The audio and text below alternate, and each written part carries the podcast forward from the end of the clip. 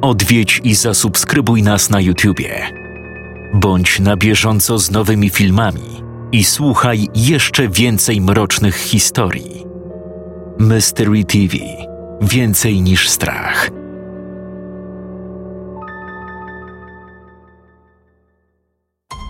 W szóstej edycji Creepy Wyzwania każdy autor z puli obrazków wylosował jeden, do którego musiał napisać własną, straszną historię. Kolejność publikowania opowiadań również została ustalona w drodze losowania. Zapraszam do wysłuchania opowiadania Piotra Szczupaka pod tytułem Dzieci.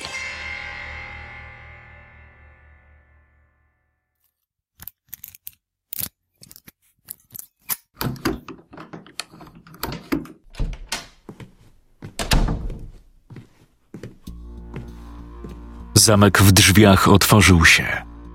Stojący przed nimi mężczyzna odetchnął z ulgą. Nareszcie będzie mógł odpocząć. Ostatnia wyprawa śledcza była naprawdę męcząca. Nie było jednak powodu do narzekań. Lubił to zmęczenie. Dawało mu poczucie dobrze wykonanej pracy. Tak było i tym razem. Już nie mógł doczekać się rozgrzewającego prysznica, kawy i znajomej pracy przy biurku nad kolejnym raportem. Lubił to robić. Stanowiło to zwieńczenie każdej sprawy i dawało często najwięcej satysfakcji. Być może kiedyś je opublikuje, ale zanim to zrobi, chciałby mieć już pokaźny zbiór zakończonych spraw. Wszedł do mieszkania i odetchnął. Znajomy zapach domu skutecznie go rozluźnił. Zamknął za sobą drzwi Zdjął płaszcz i zawiesił na haku. Poszedł do kuchni. Wyjął z lodówki butelkę coli i wypił z gwinta kilka łapczywych łyków. Potrzebował trochę węglowodanów, nawet gdyby miały to być same cukry proste. Odstawił butelkę na blat i udał się do łazienki. Po trzydziestu minutach był ponownie w pełni sił i entuzjazmu do dalszej pracy. Pomimo bardzo późnej pory przygotował sobie kawę, po czym usiadł przy biurku. Zapalił lampkę biurową. Wyjął z pokrowca laptop. Postawił go na blacie i włączył. Po paru minutach miał już odpalony edytor tekstu. Zapisał standardowy dla siebie nagłówek, po czym zaczął zastanawiać się nad wstępem. Spoglądał na pusty arkusz przez dłuższy czas – zastanawiając się, od jakiej strony tym razem ugryźć temat, tak aby zainteresować potencjalnego czytelnika czy słuchacza, zachowując przy tym profesjonalizm. Ostatecznie zdecydował się na transkrypt nagrań swoich rozmów. Była to dla niego standardowa procedura, choć lubił dodawać też własne spostrzeżenia czy notatki. Udał się do przedpokoju, gdzie zostawił swój neseser – Wyjął z niego dyktafon, po czym wrócił do swojego stanowiska. Zapisał miejsce, datę oraz krótki opis zjawiska, z którym jego zdaniem miał do czynienia. Następnie odpalił pierwsze nagranie.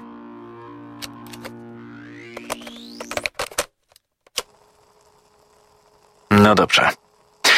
Czy może mi pan teraz powiedzieć więcej o tamtych wydarzeniach? Wie pan, ciężko mi o tym mówić. To dość, jakby to ująć, trudne wspomnienie. Do niczego pana nie przymuszam.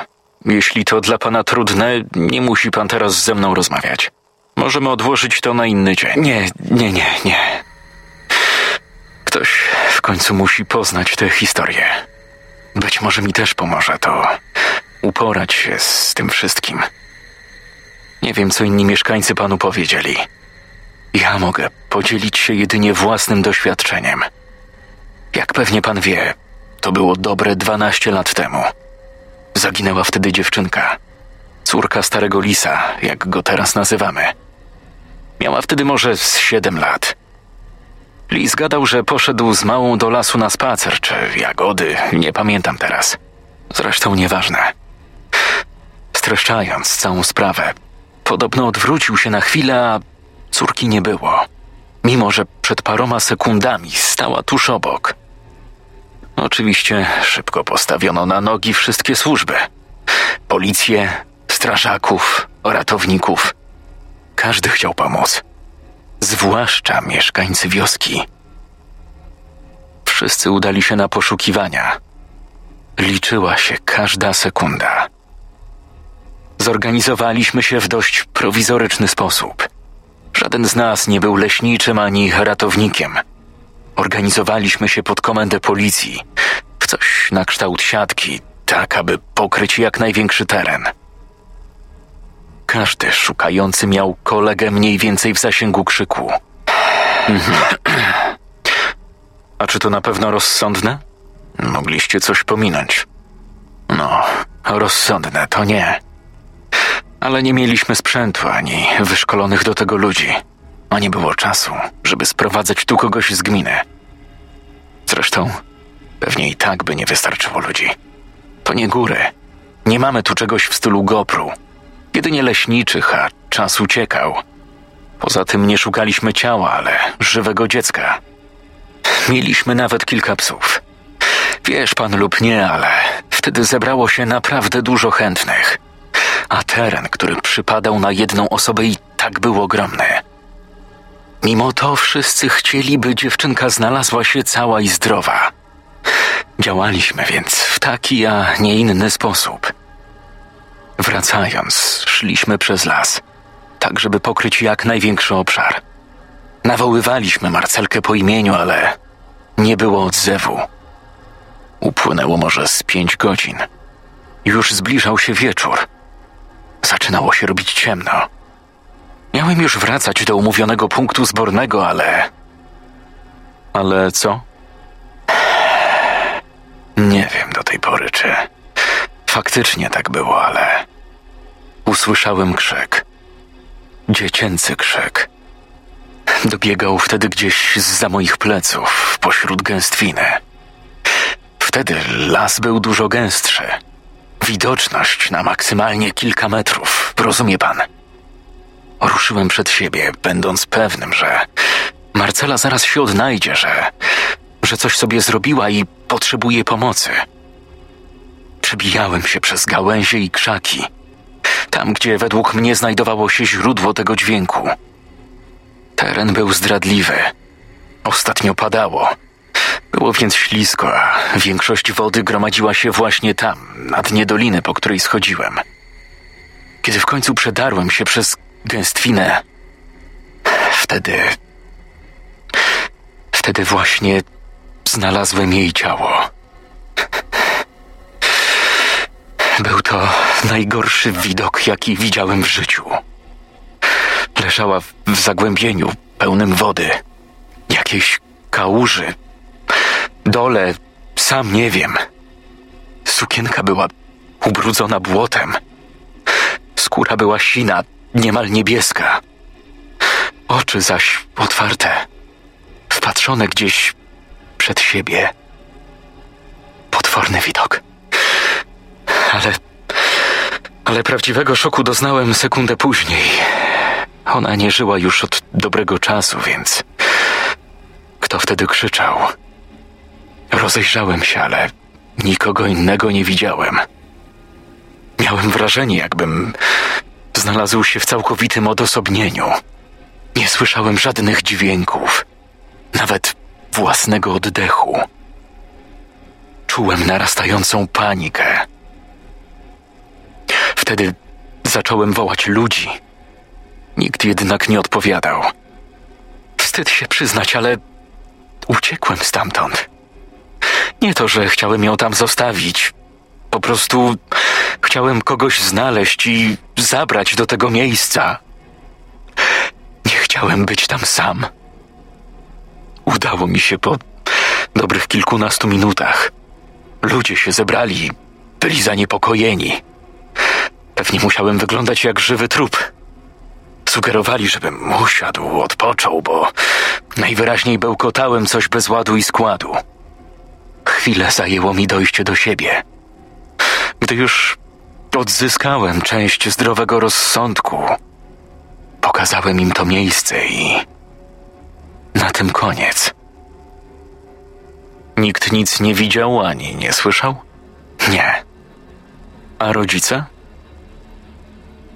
Przepraszam, nie powinienem pytać. Nie, nie ma problemu. Tylko.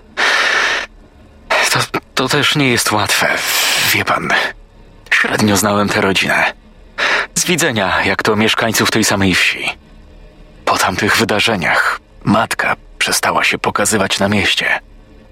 Po jakichś dwóch miesiącach doszły nas słuchy, że nie żyje. Niestety, nie wiem, co było przyczyną śmierci. Mogę się tylko domyślać. Stary lis zaś zachowywał się, jakby umarł tamtego dnia, gdy ją znaleźli. Chodził zawiedzony. Zawsze ze spuszczoną głową. Schudł. I z tego co wiem, zaczął pić. Będąc szczerym, nie dziwię mu się. Marcela była ich jedynym dzieckiem. Wie pan, wracając do tego dnia, gdy ją znalazłem, do tej pory nie wiem, czy faktycznie coś słyszałem. Może mi się tylko wydawało. Nie wiem. Po prostu nie jestem pewien. Nagranie dobiegło końca. Podobnie transkrypt. Siedzący przed laptopem Marek Kos podpisał się pod nagraniem. Pamiętał swojego rozmówcę i poczuł ukłucie żalu, że odbył tę rozmowę. Widać było, że powrót do tamtych wydarzeń nie był łatwy. Przez większość czasu mężczyzna patrzył przez okno w stronę rosnącego w pobliżu jego posesji lasu. Nie był to rzecz jasna ten sam las, ale Marek domyślał się, że i tak widok rosnących drzew wywołuje demony przeszłości. Po zakończeniu opowieści śledczy zapytał, z kim może jeszcze porozmawiać o dziwnych zjawiskach, które zdarzyły się w okolicznych lasach. Dostał kilka adresów, choć mężczyzna nie był co do nich pewny. Marek nie omieszkał ich jednak sprawdzić. Mężczyzna nie mylił się. Kos zgromadził całkiem sporo innych materiałów.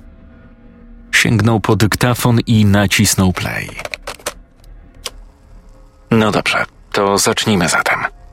Co może pan powiedzieć o tym lesie? E, a co ja mogę o nim wiedzieć? Las jak las. Jak chce pan wiedzieć więcej, powinien pan zapytać leśniczego. Ja się na tym nie znam. Zapewniam, że nie chodzi o sam las, a o to, co się w nim dzieje. Mam na myśli wszelakie dziwne zjawiska, które miały tam miejsce. Dziwne zjawiska? Ech. Nie jestem pewien. Widzę, że ma pan wątpliwości. Ale zapewniam, że nie jedno już słyszałem. Każda informacja jest dla mnie cenna. Wiem, że nie ma pan powodu mi ufać, ale w każdej chwili możemy zakończyć. No dobrze. Ale dzieckiem wtedy byłem, więc parę rzeczy mogłem wyolbrzymić. Rozumiem pana, ale z przyjemnością posłucham.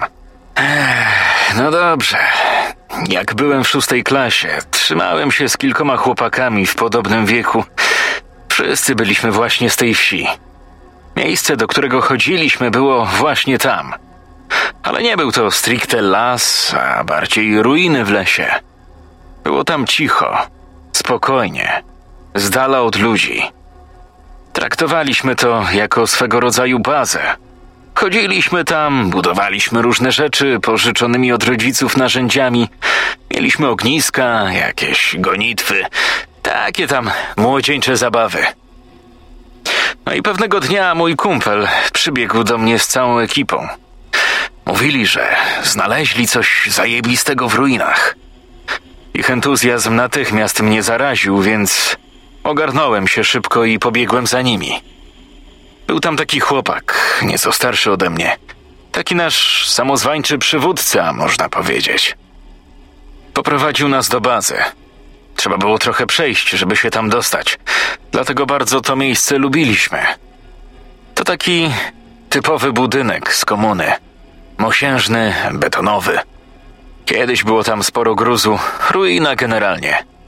Ale część udało nam się uporządkować. Właśnie przy okazji takich porządków tamci znajomi coś odkryli. Gdy dotarliśmy na miejsce, nasz przywódca pokazał nam, a właściwie to mi, bo inni już o tym wiedzieli, klapę. Starą, metalową, poważnie zardzewiałą. Wszyscy nakręcili się, żeby ją otworzyć, zobaczyć, co skrywa. Ktoś wziął wtedy trochę oleju, żeby było łatwiej, ale i tak uporanie się z tym chwilę nam zajęło. Dobre dziesięć minut się z tym mocowaliśmy. Ale w końcu blacha ustąpiła i z brzdękiem opadła na betonową podłogę. Do tej pory pamiętam, jak wielka chmura kurzu się wtedy wzbiła. Jakby auto rajdowe przejechało. Wracając, pod blachą znajdowało się wejście do jakiejś piwnicy. Niewiele widzieliśmy.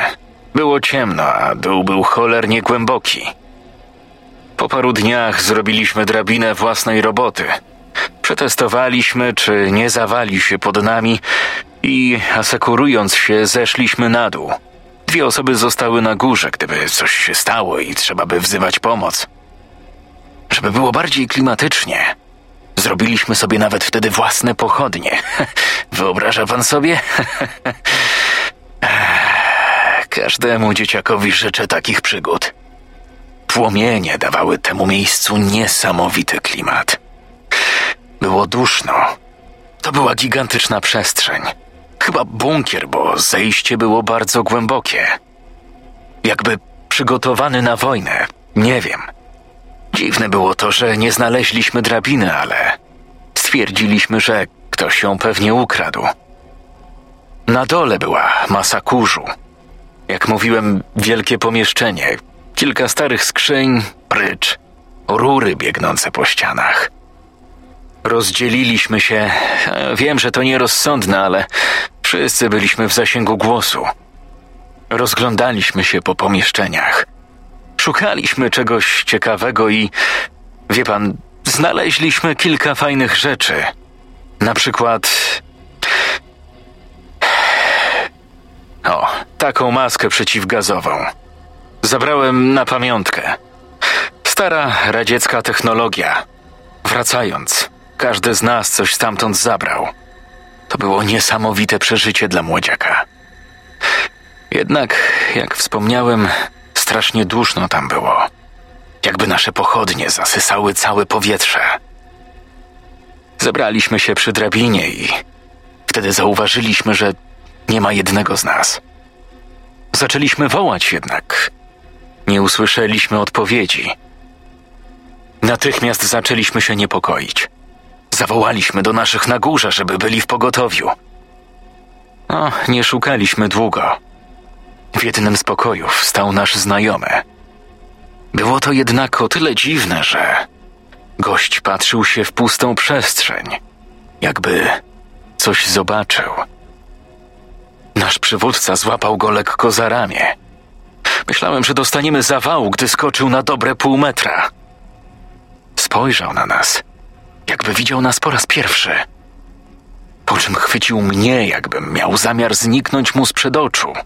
Jakby. Jakby wydawało mu się, że nie jestem prawdziwy. Jakby chciał się upewnić. Ciężko mi to określić. Zdziwiliśmy się trochę.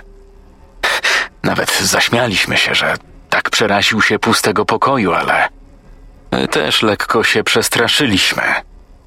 Byliśmy sami w piwnicy niewiadomego pochodzenia, a nasz kumpel dziwnie się zachowywał. Mówiłem, miejsce miało klimat. Potrafiło przestraszyć. Gdy wychodziliśmy, ja byłem ostatni. I kiedy odwracałem głowę, coś zauważyłem. Tylko nie wiem, czy to ważne. Co to było? Wie pan, nie chcę pana w błąd wprowadzać czy coś, ale jestem prawie pewien, że widziałem coś w ciemności. Coś jakby kilka świateł, gdzieś tam na granicy pola widzenia, w kącie pokoju. Jakbym. Jakbym miał je do czegoś porównać, to byłyby to ślepia jakiegoś kota czy innego zwierzęcia. Nie wiem, czy wie pan o czym mówię, ale To widać czasem choćby na zdjęciach. Oczy im tak przerażająco świecą. Można się nieźle przerazić, jak idzie się w nocy do lodówki. Gdy zdałem sobie sprawę, że coś tam może być, nie ukrywam, lekko się przeraziłem. Może to, to coś, co zauważył mój kumpel, pomyślałem.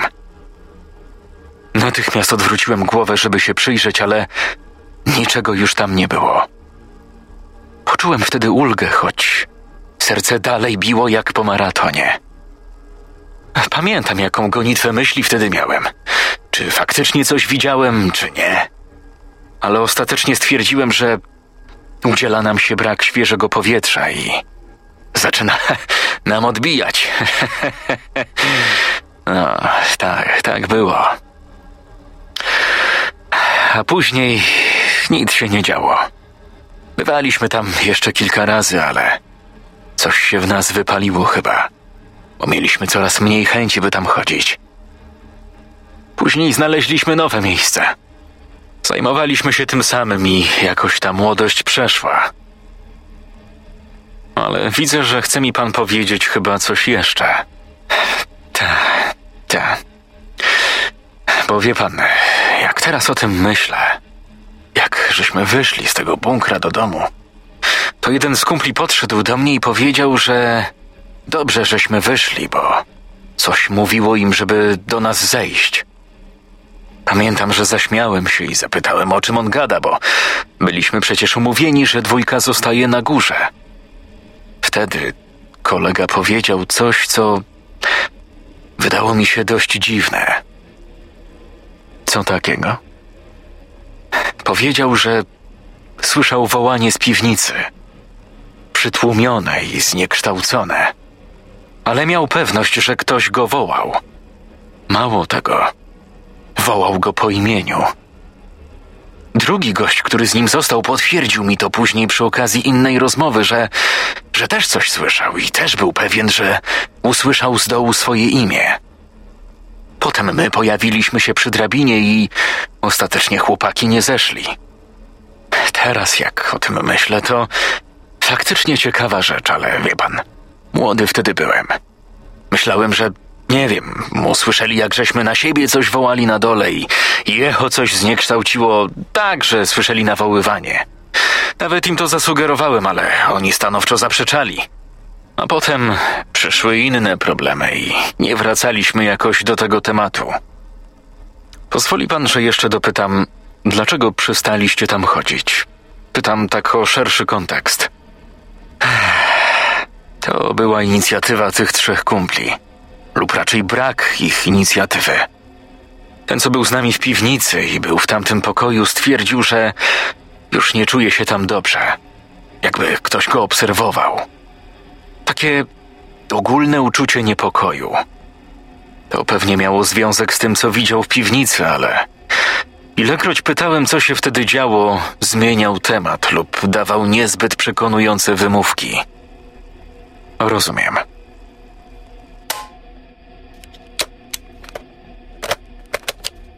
Koniec nagrania i ponowny rzut oka na tekst, który zaczął wypełniać strony edytora. Kos ponownie wrócił myślami do swojego rozmówcy i tego, jak wyglądała cała opowieść. Ten mężczyzna o swoich przeżyciach opowiadał dużo swobodniej od innych jego rozmówców. Być może niebagatelnym czynnikiem był fakt, że nie brał bezpośredniego udziału w tamtych wydarzeniach.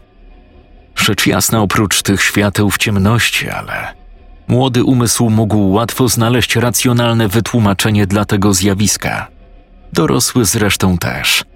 Złudzenie, refleks świetlny, błysk pochodni. Jednak po tym, co usłyszał od innych osób z tamtej wsi, nie był pewny, czy była to tylko gra świateł. Zresztą, poza nagraniami miał coś jeszcze. Na pozostałe rzeczy jednak przyjdzie jeszcze czas. Teraz czekało go kolejne nagranie.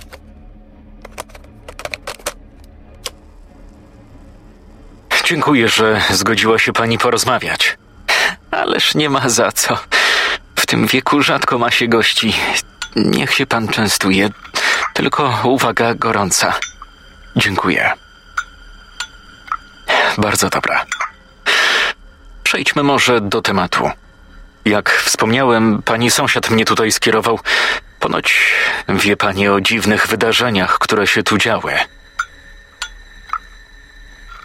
Rozmawiał pan już z Krukiem? Tak, rozmawiałem. Właściwie to on mi panią polecił do dalszej rozmowy. Hm, miło mi. W istocie dobrze panu poradził. Pewnie słyszał pan o sprawie małej lisowej i jej smutnym finale. Ale to nie był pierwszy raz, kiedy coś dziwnego działo się w naszej wsi. Słucham uważnie. To było w latach siedemdziesiątych. Wtedy żyło u nas dużo mniej ludzi. Wszyscy się znali i wspierali, ale była jedna rodzina, która wyróżniała się z tłumu, że tak powiem. Wie pan, ja nie lubię gadać źle o ludziach, ale w tym domu naprawdę coś się działo. Czasem człowiek przechodził obok i słyszał krzyki kobiety albo płacz dzieci. Generalnie nieciekawe sąsiedztwo. Oni mieli kilkoro potomków, nie pamiętam wszystkich. Część się już dawno porozjeżdżała po kraju, ale mówię o ich najmłodszym synu. Wtedy miał jakieś dziesięć lat. Choć muszę przyznać, że słabo go znałam. Co najwyżej z widzenia. Ten chłopak raczej trzymał się na uboczu. Dlaczego? Właściwie są dwa powody. Pierwszy to to, o czym panu mówiłam. Pochodził z nieciekawej rodziny. Nikt nie chciał się narażać pijanemu wilkowi. On to i człowieka mógł pobić, jak miał taki kaprys albo wypił za dużo. Drugi powód był taki, że coś z tym chłopcem było nie tak. Bardzo często dziwnie się zachowywał. Czasem krzyczał w stronę pustej przestrzeni. Mówił do siebie. Stał w miejscu i patrzył w przestrzeń przez dobre kilka godzin, dopóki matka po niego nie wyszła. Innym razem przewracał się i tarzał w ziemi. Wrzeszczał wtedy opętańczo, jakby sami diabli go przypalali. A co wtedy krzyczał? Pamięta pani? Zostawcie mnie, przestańcie mnie szczypać, nie chcę się bawić. Ale nie powiem panu na sto procent. Młody wilk czasem bredził coś pod nosem. Trząsł się wtedy jako sika. Był skulony, nie patrzył gdzie idzie. Potrafił iść środkiem drogi, nie zważając na nic. Jeśli ktoś wtedy jechał autem, nawet na niego nie trąbił. Bał się, że chłopak spanikuje lub go zaatakuje. Część wioski twierdziła, że chorował na głowę. A nie było tak? No, kiedyś też tak myślałam. Wiedza na temat chorób psychicznych była wtedy nikła. Zresztą, chyba pan wie, za komuny łatwo nie było, ale zdarzyła się jedna dziwna sytuacja, która sprawiła, że zaczęłam mieć wątpliwości co do jego domniemanej choroby. Co się stało? To była jesień. Byłam wtedy na grzybach, w tamtym lesie za miastem. Było dość wilgotno. Spadło sporo deszczu, to też obrodziło. Pełna ubianka, aż miało się ochotę część oddać, żeby się nie zmarnowały, ale mniejsza. Jak wracałam z lasu i byłam już blisko domu, spotkałam go przy drodze. Patrzył wtedy gdzieś w las, nie wiadomo gdzie. Przywitałam się z nim, ale on wtedy odwrócił się w moją stronę i beznamiętnym tonem powiedział: Zostawiłaś klucze w lesie. Jakimś dziwnym głosem. Zamarłam. Chłopiec odwrócił głowę z powrotem w stronę lasu i nie powiedział ani słowa więcej. Odruchowo sprawdziłam w kieszeni i faktycznie nie miałam kluczy. Wpadłam w lekką panikę i mimowolnie zapytałam: Gdzie? To nie było nawet pytanie do niego. Jakby to określić, głośno myślałam. Wtedy chłopak, nawet nie odwracając głowy, dodał coś w stylu: Tam, gdzie znalazłaś ostatnie. Spojrzałam wówczas na niego. Byłam w niezłym szoku, bo zaczęłam się zastanawiać, czy chłopak nie obserwował mnie cały ten czas. Z tego co pamiętam, nic więcej nie powiedziałam, tylko pospiesznie pobiegłam tam, gdzie zbierałam te grzyby i pewnie domyśla się pan, co się wydarzyło. Znalazła pani zgubę.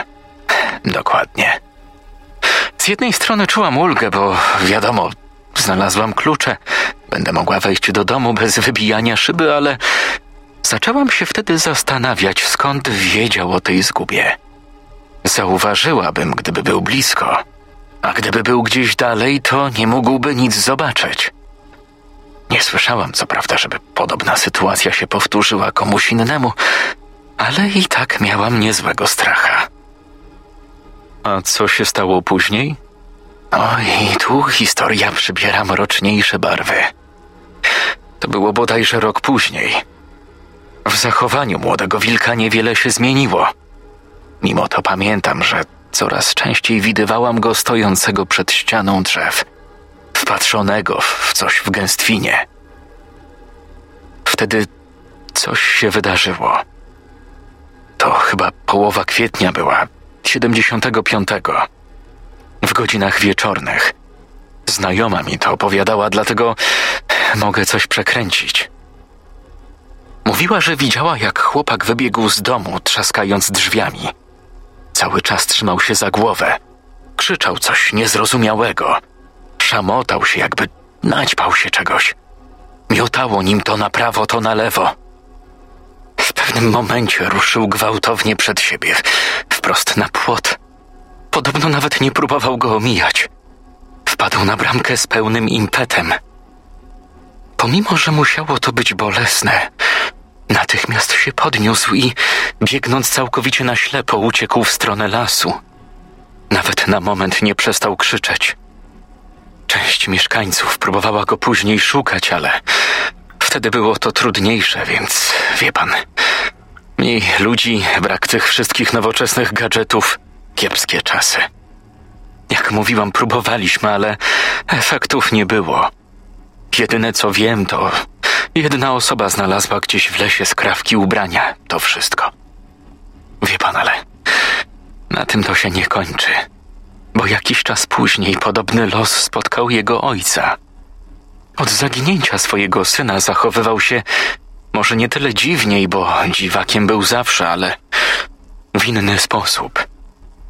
Zaczął zachowywać się podobnie do swojego syna. Także widziano go mówiącego do siebie, zawiedzonego, zmarnowanego, aż w końcu on również postradał zmysły. On też uciekł do lasu?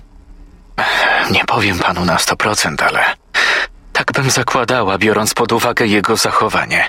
W końcu było bardzo podobne do tego, które przedstawiał jego zaginiony syn.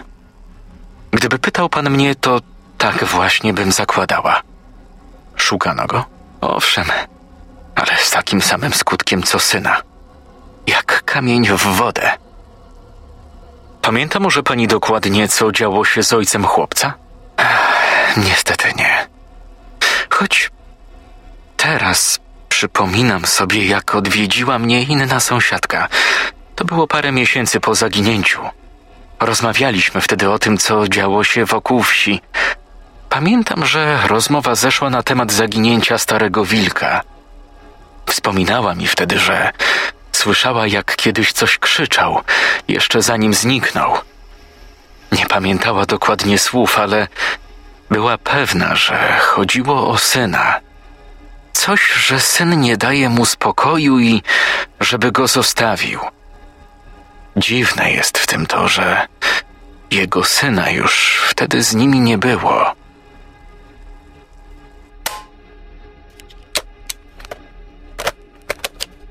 Koniec nagrania. Marek miał jeszcze przed sobą kilka nagrań, ale żadne z nich nie było jednak aż tak wylewne od kilku mieszkańców wioski, na ogół starsi wiekiem, mówiący o leśnych spacerach, w trakcie których słyszeli dziwne dźwięki. Kilka relacji o widzianych w ciemności światłach, znikających z pola widzenia, gdy skupi się wzrok. Żadne z wydarzeń nie było szczególnie spektakularne. Często rozmówcy sami nie byli pewni, czy to, co widzieli lub słyszeli, było prawdą ale kiedy kilkanaście osób opowiada o podobnych zjawiskach, coś może być na rzeczy. Kos spojrzał na swój skrypt. Był zadowolony z informacji, które pozyskał. Nie był to pierwszy raz, kiedy słyszał podobne opowieści. Czasem jednak informacje były dużo bardziej skąpe i niejednoznaczne. Kos lubił sam weryfikować historie, które słyszy. Zawsze z otwartym umysłem, ale nie bez zdrowej dozy sceptycyzmu. Tak było i tym razem. Same nagrania to nie było wszystko, co zgromadził. Poszedł tam, do tego lasu i robił zdjęcia w losowych momentach, starając się uchwycić różne etapy swojej wędrówki. Czasem była to ściana drzew, czasem kotlina. Było też kilka zdjęć ruin. Jeszcze ich nie przejrzał. Chciał to zrobić teraz, gdyż z doświadczenia wiedział, że na kliszy aparatu często potrafi odbić się coś, co w danej chwili umknęło oku ludzkiemu. Kilka razy coś na nich było. Kos jednak wiedział, że oglądanie fotografii na ekranie podglądowym byłoby równie precyzyjne co próba rozbrojenia bomby przy pomocy ogrodowego sekatora do trawy. Wstał od biurka i ponownie udał się do przedpokoju. Wtedy zorientował się, że nie zabrał z auta aparatu. W te pędy ubrał się szybko i zszedł z powrotem na parking pod swoją kamienicą. Minęło kilka minut i już na jego blacie leżał aparat Canona. Bardzo dobry sprzęt. Nigdy go nie zawodził. Wyjął z torby kabel, po czym podłączył ze sobą urządzenia. Kawę upił już dawno. Nie potrzebował kolejnej. Ekscytacja skutecznie negowała zmęczenie, ale wysuszała też usta. Udał się więc do kuchni po butelkę wody. Gdy zaspokoił pragnienie, ponownie skupił się na pracy. Najpierw otworzył folder aparatu. Następnie posortował zdjęcia zgodnie z datą ich utworzenia. Odnalezienie właściwych nie było trudne. Zrobił je tego samego dnia podczas jednej długiej wyprawy. Wyruszył w sobotnie popołudnie. W plecaku miał sprzęt, który w razie czego pozwalał przetrwać w dziczy. Zapasy, latarka, nóż, krzesiwo, kompas, telefon satelitarny i analogową mapę z naniesionymi punktami orientacyjnymi i celem, którym były wspomniane przez jednego z rozmówców ruiny. Las na początku nie był zbyt gęsty – Kos nie miał wiedzy, z czego wynikała taka, a nie inna roślinność. Zakładał, że to z powodu gleby, ale to były jedynie jego gdybania. Szedł w zamierzonym kierunku, czasami zbaczając ze ścieżki, cały czas robiąc zdjęcia lasu. Takie też ujrzał na podglądzie jako pierwsze. Zwykły las, urokliwy, nieco tajemniczy ale nie znalazł na nich niczego niepokojącego lub dziwnego. Im głębiej szedł w bór, tym bardziej dziki wydawał się teren. Niższa warstwa boru porośnięta była paprociami, trawami i niskimi krzakami. To skutecznie zwolniło tempo marszu. Tu również zrobił kilka zdjęć. Nacisnął strzałkę i na ekranie wyświetlił się kolejny obraz. Potem jeszcze jeden – i kolejne. Przeglądał je, starając się obejrzeć dokładnie każdy piksel. W pewnym momencie coś zauważył. Fotografia, którą oglądał, przedstawiała kotlinę z gęsto rosnącymi grubymi drzewami liściastymi. Na dole widać było porośnięte mchem kamienie oraz błoto. Przybliżył fragment, na którym wydawało mu się, że coś zobaczył. Po chwili zdał sobie sprawę, na co patrzy. Szkielet. Sądząc po wielkości i ułożeniu, nie był to człowiek, a najprawdopodobniej jakieś zwierzę jeleń lub sarna, które zakopało się w błocie i nie mogło wyjść.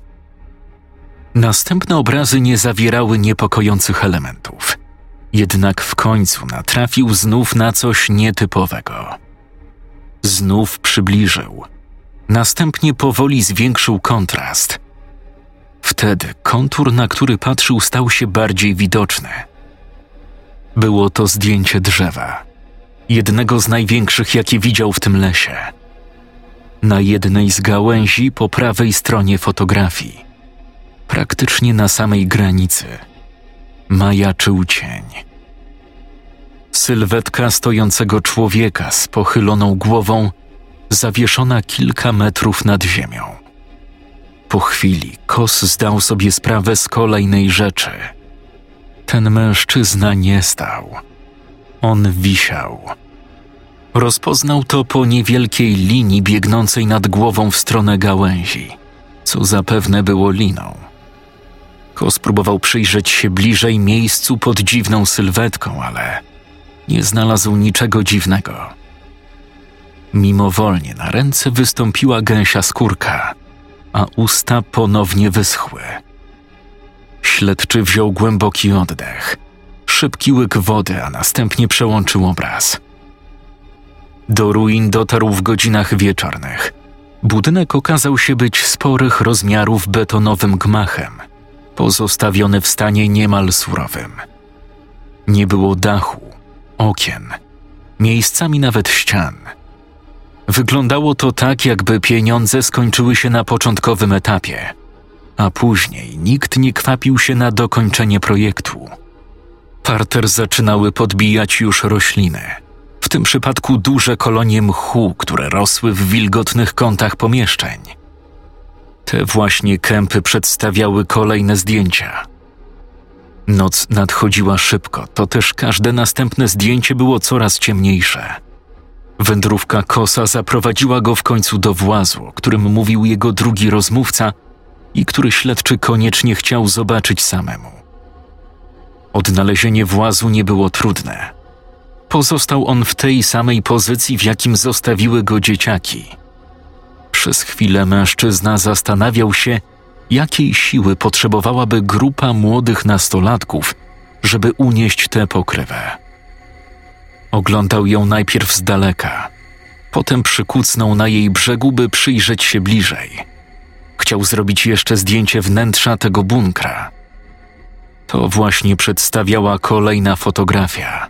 Jeden zionący czernią kwadratowy otwór przywodził na myśl drzwi do samego piekła. Kos pamiętał, że kusiło go, żeby sprawdzić, co jest na dole, ale nie miał do tego warunków – Poza tym coś podpowiadało mu, że nie powinien tam schodzić. Może przeczucie, może instynkt. Nie miał pewności. Ostatni fragment swojej wycieczki, tuż po tym jak postanowił wracać, pamiętał dobrze. Opuszczał właśnie pomieszczenie z włazem, kiedy postanowił zrobić jedno ostatnie zdjęcie. Był to rzut na klatkę schodową całkowicie pochłoniętą już w mroku nocy oraz rozciągające się przed nią pomieszczenie. Kos otworzył fotografię. Chwilę jej się przyglądał, gdy nagle coś przewinęło mu się przed oczami i zamarł. Coś dziwnego mignęło mu na klatce schodowej. Był to narożnik zdjęcia, przybliżył ten fragment cały czas myśląc, że widzi coś, czego nie ma. Mylił się.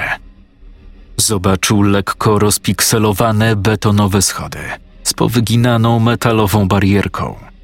Spływała z nich ciecz, której koloru nie mógł w ciemności poznać. Dalej na półpiętrze spostrzegł dwie małe sylwetki. Jedną stojącą i jedną kucającą. Kos przełknął ślinę. Były to dzieci, ubrane w stare ciuchy rodem z dalekiej przeszłości, ubrudzone tą samą ciemną cieczą, która spływała ze schodów. Skierowane były twarzą w stronę obiektywu. Najbardziej niepokojące było to, co zobaczył w miejscu oczu, gdzie widział jedynie parę świecących niczym latarnia ślepi wpatrzonych wprost na niego. Te postacie patrzyły w jego stronę, gdy robił to zdjęcie. Kos zamarł na moment, a może nawet na trochę dłużej. Odwrócił wzrok od laptopa, orientując się, że na moment przestał oddychać. Miał wrażenie, że grunt odsuwa mu się spod stóp. Ponownie wziął głęboki oddech, starając się uspokoić. Spojrzał z powrotem na zbliżenie zdjęcia, po czym cofnął zmiany. Ponownie zobaczył pełnowymiarową fotografię. Cały czas miał jednak przed oczami ten konkretny fragment. Wziął jeszcze łyk wody, zastanawiając się przez chwilę, jak powinien zareagować. Postanowił zająć się pracą. Zabrał się za drukowanie interesujących go zdjęć oraz transkryptu. Po paru minutach wszystko było już na papierze. Kos zamknął program graficzny, a następnie laptopa. Zdjął pustą teczkę z półki nad stołem. Zapisał na niej numer sprawy, po czym schował do niej materiały. Otworzył dolną szufladę biurka. Ze środka wysunął się niewielki stos podobnych białych teczek. Położył nowy folder na szczycie, po czym zamknął szufladę z impetem. Dalej, czując na karku czyjś wzrok. Odwiedź i zasubskrybuj nas na YouTubie. Bądź na bieżąco z nowymi filmami i słuchaj jeszcze więcej mrocznych historii. Mystery TV. Więcej niż strach.